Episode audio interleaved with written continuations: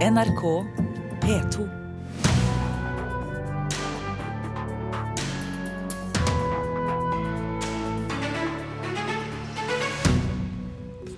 Det har vært vanskelig å arrangere Eurovision Song Contest i år, sier sjefen for hele arrangement, eh, arrangementet, Jon Ola Sand. Grand Prix begynner nå på onsdag. Den amerikanske podkasten S-Town knuser alle gamle rekorder, og er nå lastet ned 40 millioner ganger. Og da stykket 'Renset' ble spilt i London i 2016, var scenene så brutale at flere blant publikum besvimte og forlot salen. Nå skal den opp i Norge med 18-årsgrense. Ja, dette er blant sakene i Kulturnytt i dag, hvor vi dessuten også tar turen innom Ukraina før Eurovision og Frankrike etter valget.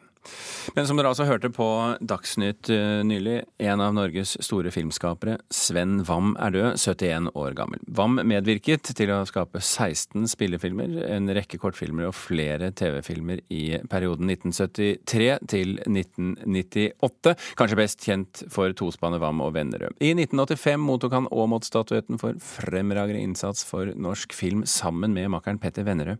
De laget en rekke filmer sammen, blant annet Adjø solidaritet fra 1985. Ja da, jeg veit at han røyker litt hasj. Litt hasj. Tror du jeg kommer hit fordi guttungen røyker litt hasj? Hadde det enda bare vært det. Overreagerer. Jeg skal fortelle deg hvordan det er. ja. Han stapper i seg alt han kommer over. Smertestillende, sovetabletter, nervetabletter, opium, amfetamin, kokain og morfin. Åh, Å, Gud, Atle. Jeg er så redd han skal begynne med heroin. Tidligere filmkritiker i Aftenposten, Per Haddal. eh, Sven Wam er altså død. Hvilken betydning hadde filmene han og Peter Vennerød laget? Jo, med dem så kom jo karnevalet inn i, i norsk film. De var overmåte energiske. Som vi hørte på dette, dette klippet, de hadde en egen snert i produksjonsavviklingen. Og de ville gjerne, gjerne provosere. Eh, Og det gjorde de på, på vegne av hva de kalte en anarkistisk livsstil, og, og også underliggende da en homofil livsforståelse som lå dem meget på hjertet å, å, å, få, å få frem. Og så var det jo var det jo slik at, eh, at de hadde sans for melodrama for de store, store utspillene, altså, som jo også følger med karnevalet. Eh, Og en karakteristisk tittel det er jo 'Svartere enn natten'. Ja. Vi hadde jo mange kontroverser med dem, vi som eh, anmeldte filmer. Og, og, og det var alltid energigivende å ha med dem å gjøre. Men, men likte du filmene deres? Jeg hadde stor respekt for, eh, for den kraften som, eh, som lå, i den, lå i dem. Og det som var litt mer skjult, sårbarheten også, som etter hvert ble tydeligere og, og, og tydeligere. Så, men jeg kan si både ja og nei til det spørsmålet. Mm. Hva var det eh, Altså, du snakker om karnevalet her, men hva var det rent sånn eh, film- og fortellermessig som gjorde at de, at de klarte å dominere 70- og kanskje særlig 80-tallet? Nei, det var vel det at de, de brøt med, med de, de vanligere stilartene i, i, i norsk film, og, og at, at det var denne forrykende energien over, over det de, de holdt på med. Og, som, og, og profesjonaliteten. At de avviklet produksjonene sine meget kjapt og snertent og, og elegant. Hvis, hvis, hvis, hvis vi ser, eh, Hadal, på eh, de filmene som de har laget, så er det jo altså et eh, oppkomme av norske skuespillere. Det var det. De fikk de beste skuespillerne med seg til enhver tid. Um, hvilke, Ulrikke Foss for eksempel elsket jo å arbeide med Sven og Petter. ja. hvilke filmer vil du trekke frem hvis vi nå i denne anledningen skal sette oss ned og se på gamle Vam og Vennerød-filmer? Ja, altså jeg tror jeg ville, ville trekke frem en, en som fikk filmkritikerprisen ganske tidlig. Det var Svens eh, solofilm som heter 'Lasse og Geir'. Som har avlevert noen klassiske replikker i, i norsk eh, filmhistorie også. Og så tror jeg nok at Adré solidaritet ville, ville være noe som, eh, som, som interesserer. fordi at der var det der var det et oppgjør, veldig tydelig og klart oppgjør med det eh, konforme som fulgte 1968-opprøret, som, som ble til ortodoksi. og, og de, de var jo ute etter å, å fremme sin egen, egen forståelse. De, altså de skapte Men, men unnskyld, per, univers. unnskyld, per Harald. Jeg skulle gjerne sittet og hørt på deg i uh, timevis om dette her, men vi er nødt til å, å løpe videre i sendingen. Takk for at du var med oss eh, i dag, Per Hadal. Selv takk.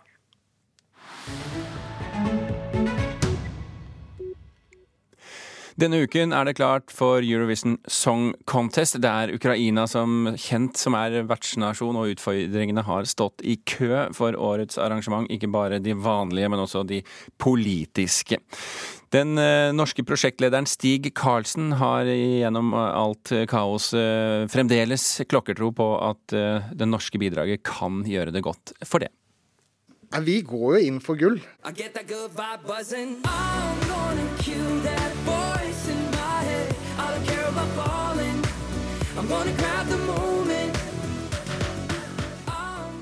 Vi har en veldig bra låt. Vi har en veldig moderne låt. En veldig låt som står godt i 2017. Og vi har en artist. Artistene er veldig, veldig veldig bra. Både eh, musikalsk, men også veldig utadvendte og fine. Så de kommer til å få mye oppmerksomhet i, i Kiev når vi kommer dit.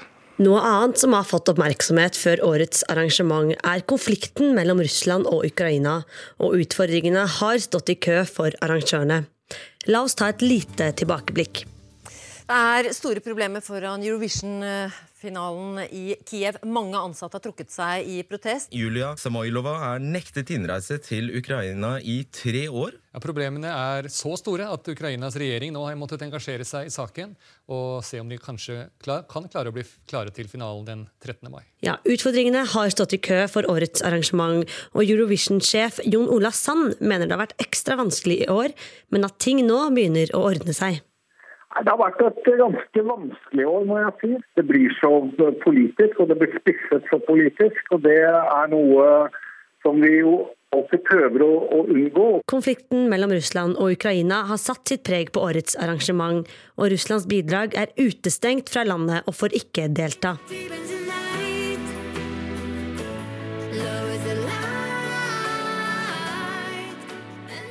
Det syns Jon Ola Sand har vært vanskelig.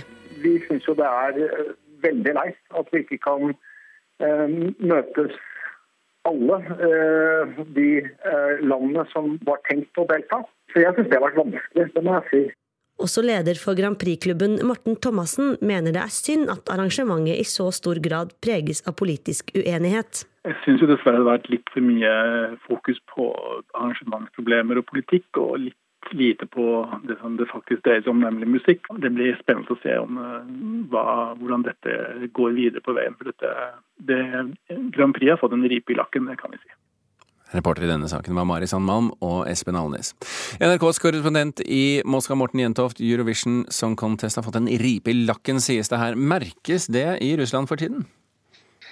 Det er klart at uh, man uh, følger jo nøye med hva som kommer til å skje uh, videre denne uken. her. Nå kom jo meldingen i går om at ytterligere to russiske journalister er stoppet på vei inn til Ukraina for å dekke Melodi Grand Prix-finalen.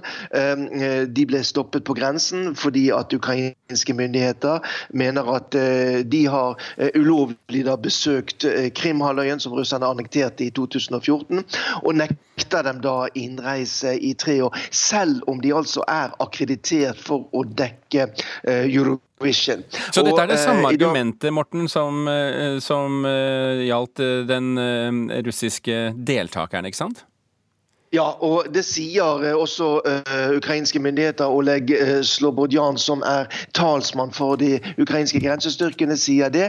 At vi kommer til å nekte alle uh, russiske journalister, selv om de har akkreditering til Melodi Grand Prix, så vil de ikke få reise inn i Ukraina hvis det skulle vise seg at de da ulovlig, som ukrainerne sier, har besøkt eh, Krimhalvøya. Sånn at eh, her fortsetter bråket eh, inntil det siste. Men hvor viktig er denne markeringen som ukrainske myndigheter gjør her, Morten? For dem så er dette en, en måte å uh, markere at de mener at den russiske annekteringen i 2014 var i strid med alle internasjonale regler. Dette er jo noe som de også har brei støtte for i det internasjonale samfunnet. I konflikten med Russland så er jo ofte Ukraina lillebror, den svake part. Her har de en mulighet for å uh, vise seg fram, uh, vise at de også har maktmidler, ydmyke russerne der de kan gjøre det. Og det er nok den må, det er nok det middelet de bruker for alt det det har vært i forbindelse med eh, Eurovision denne gangen. Hvordan preger det situasjonen eh, Morten, at det fremdeles pågår kamphandlinger øst i, i Ukraina? Ja, øh, Ukrainske myndigheter er nok ute etter å vise seg fram som et moderne europeisk land gjennom det som skal skje i Kiev denne uken. her. Og Det er klart at det er en god del positive ting som skjer i uh, Ukraina nå. Man fortsetter kampen mot korrupsjonen, selv om det er store problemer også der. Mange utenlandske selskaper snuser på Ukraina. Men samtidig, som du sier, så pågår det altså en væpnet konflikt øst i Europa. Det skytes, det drepes eh, mennesker nesten hver eneste dag ved denne nesten 500 km lange frontlinjen mellom de ukrainske regjeringsstyrkene og de prorussiske separatistene. Eh, sånn at eh, konflikten den ligger jo der som en skygge over det som skal skje i Kiev denne uken. Morten, vi hører mer fra deg etter hvert som forholdene skrider frem. Takk for at du var med oss i Kulturnytt i denne omgang.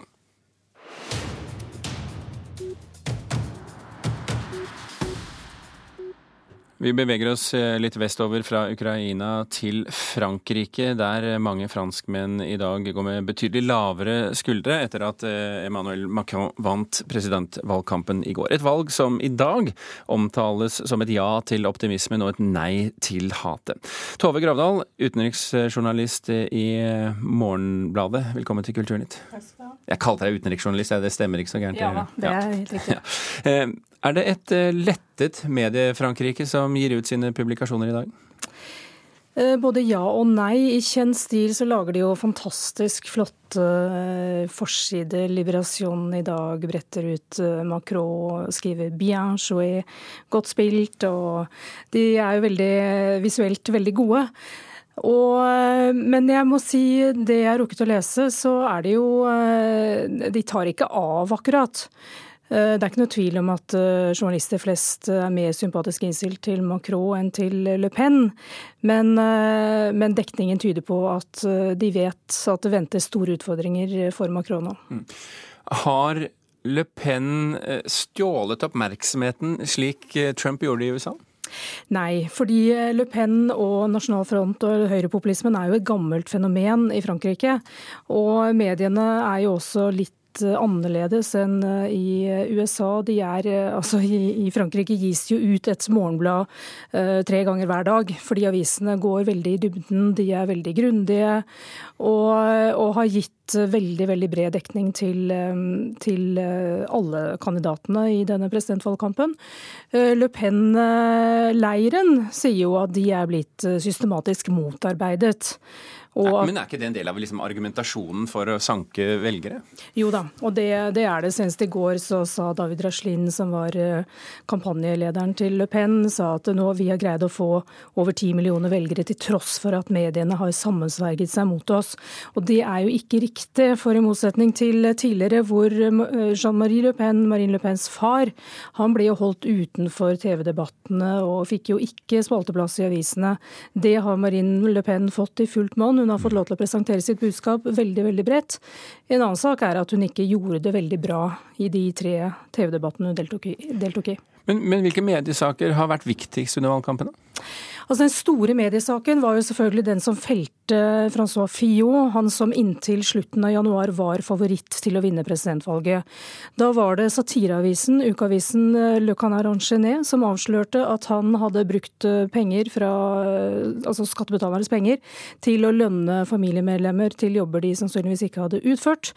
Og den skandalen brettet denne avisen ut over flere uker. Og det er ingen tvil om at det felte Francois Fillot. Han kom jo sterkt tilbake mot slutten og var ikke så langt etter Le Pen i oppslutning i første valgomgang.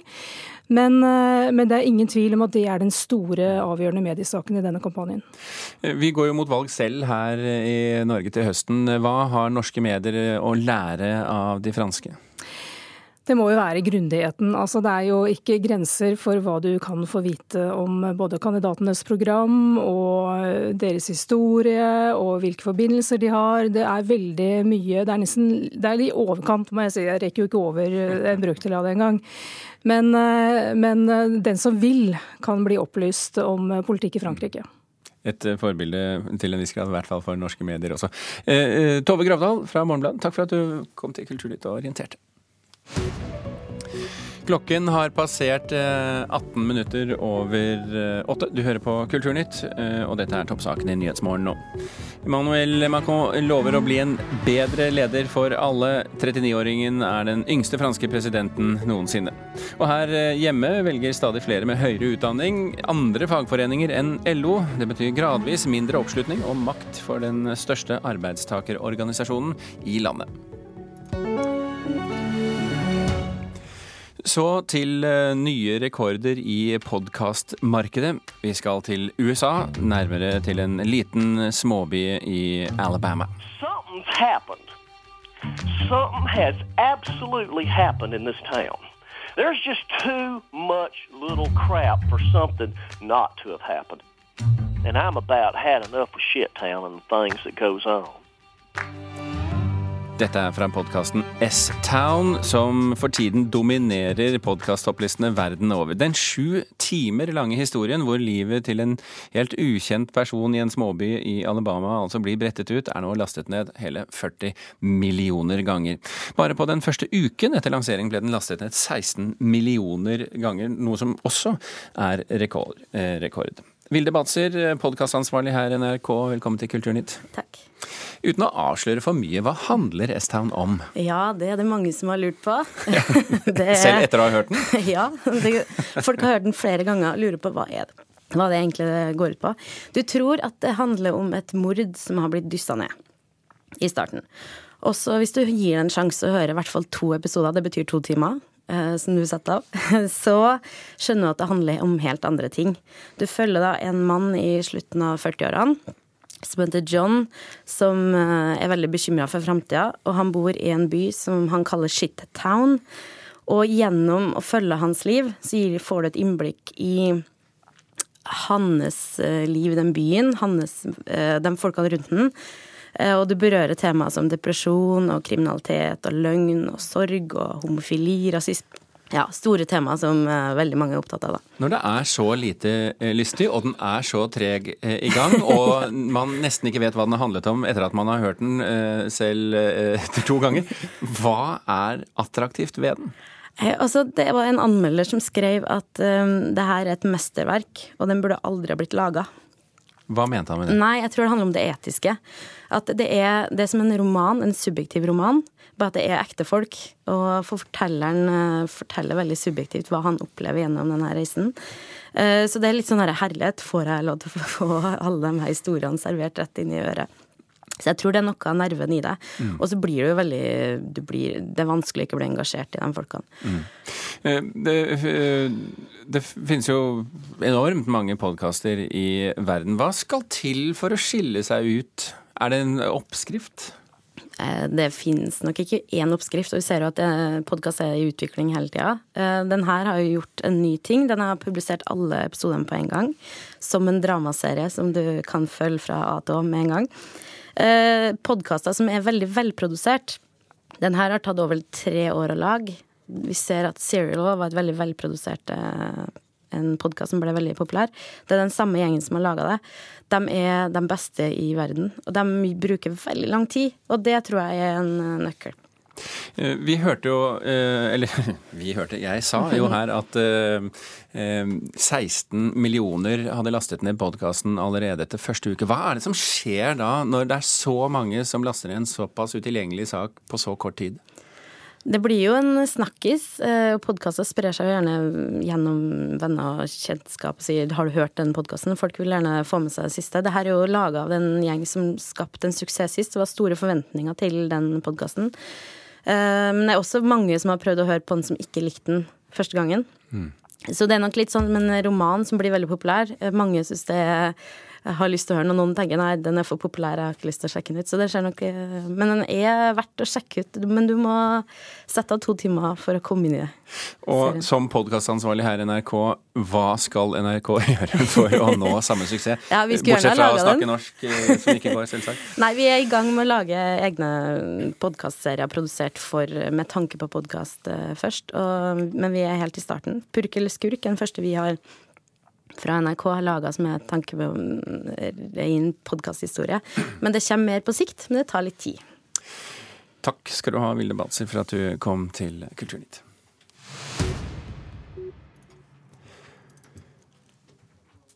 Stykket 'Renset' settes opp på Nationaltheatret til høsten. Da dette stykket ble spilt i London i 2016, var noen av scenene så brutale at flere blant publikum besvimte og forlot salen. Stykket er så voldelig at Nationaltheatret har eh, satt det til 18 års aldersgrense. Det er jo ikke lyd fra dette stykket ennå, men vi har litt lyd fra det engelske stykket. Get! Get! Get! Dessera! Get! Get! Get! Enda! Enda! Get! Ria! Get!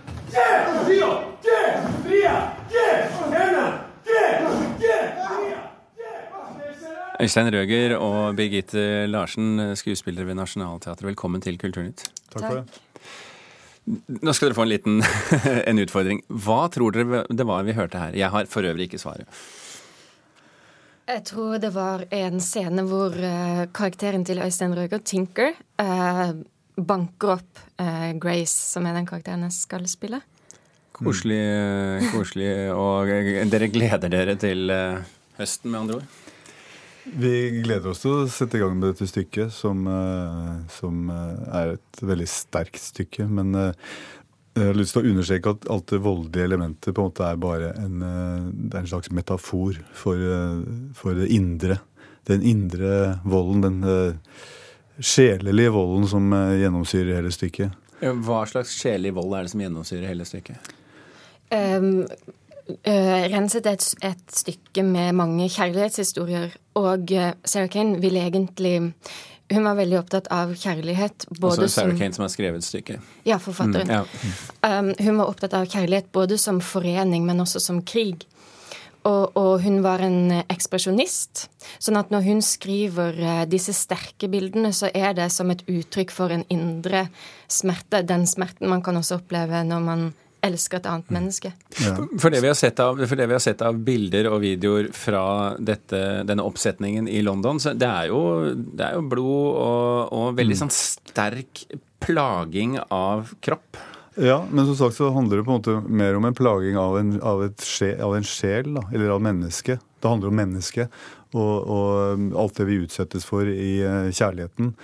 Uh, slik at uh, altså Den uh, oppsetningen i London var jo veldig realistisk, har jeg skjønt. Jeg har ikke sett den oppsetningen, men jeg har skjønt at de satte det opp veldig realistisk, slik at all den volden den ble vist veldig direkte på scenen. Og det kan man velge å gjøre, men, eh, men jeg har også inntrykk av at Sarah Kane eh, ikke ønsket at dette skulle være realistisk, eh, fordi det er ofte ikke så interessant å se på. Eh, og vi vet jo heller ikke hvordan vår regissør har valgt, vil velge å sette det opp. Eh, Vi kan ikke underslå at det er masse vold og lemlestelse og terror i stykket, men som sagt så ligger det også flere plan her, andre Mm. plan under her. da. Men, men hvis dere skulle gi et råd til regissøren deres, da, eh, eh, så hva, hva ville det i så fall være, hvis det gjelder sånn Hva skal vi kalle det? eh, Voldsnivå? Um, jeg, jeg tror nok ikke at regissøren vår trenger så mange Nei, nei, råd. men Men, altså, men, jo, men jeg tenker at det er viktig å Eller at jeg håper at vi vil få til å åpne opp stoffet, eh, sånn at publikum vil se noe annet enn akkurat en sånn splatter-greie. At, Ja. at man, fordi stoffet er utrolig rikt. Det har så mange lag. Det er både eh, poetisk, mytologisk, um, vakkert. Eh, det, kan, det kan også være humoristisk, faktisk. Det har så mange aspekter og lag, så jeg håper at vi klarer å åpne opp det for publikum. Sarah Kane er veldig belest menneske. Hun tok dessverre livet av seg bare ett år etter at hun skrev dette her. Men hun, hun var jo opptatt av filosofi, og hun satte selv opp stykker. Og, så hun er jo også påvirket av filosofer som Roland Barth, som har skrevet om eh, kjærligheten. Mm. Forskjellige aspekter. Så, så hun bringer jo inn helt andre tankegods inn i dette stoffet her også, enn eh, bare dette ytre, voldelige elementet. Men når det er sagt, så, så følger det, Og dette tilhører jo sjeldenhetene, må vi kunne si, at det er 18 års grense på et teaterstykke i Norge. Um, er dere enig i at det skal være det? Um, altså, vi, vi vet ennå ikke hva slags forestilling vi har uh, å gjøre med. Så det er litt sånn for sikkerhets skyld, liksom? ja.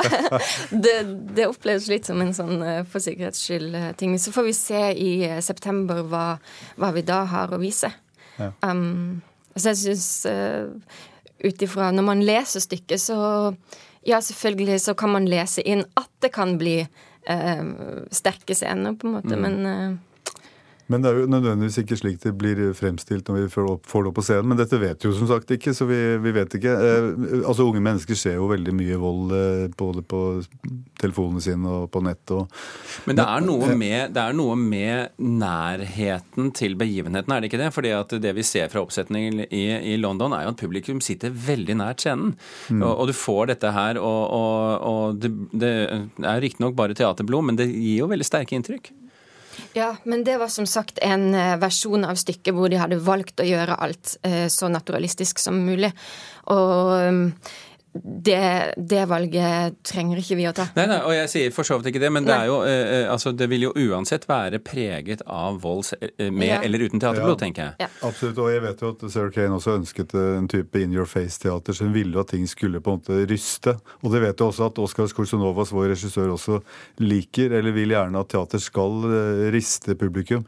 Men, men han bruker også veldig ofte helt andre typer virkemidler, så det er ikke sikkert at dette vil få noen 18-årsgrense i det hele tatt. Når- når det kommer og så er det på hovedscenen, ja. Så spilles på hovedscenen, så det er jo en viss avstand i hvert fall til de som sånn- sitter litt eh, utover i salen. ja, okay. Så nei, vi får se. Det blir veldig veldig spennende. er, det et- er utrolig det, dette er et stykke hvor folk kjøper billetter lengst bak i salen. Det Det blir tomt på de første rekkene. Ok, eh, Vi er nødt til å runde av her, Øystein Røger og Birgitte Larsen. Eh, Tusen hjertelig takk for at dere kom og fortalte om stykket Renset. Vi er ferdig her i Kulturnytt. Vidar Sem og Birger Kolsrud Aasund takker for eh, følget. Hør flere podkaster på nrk.no podkast.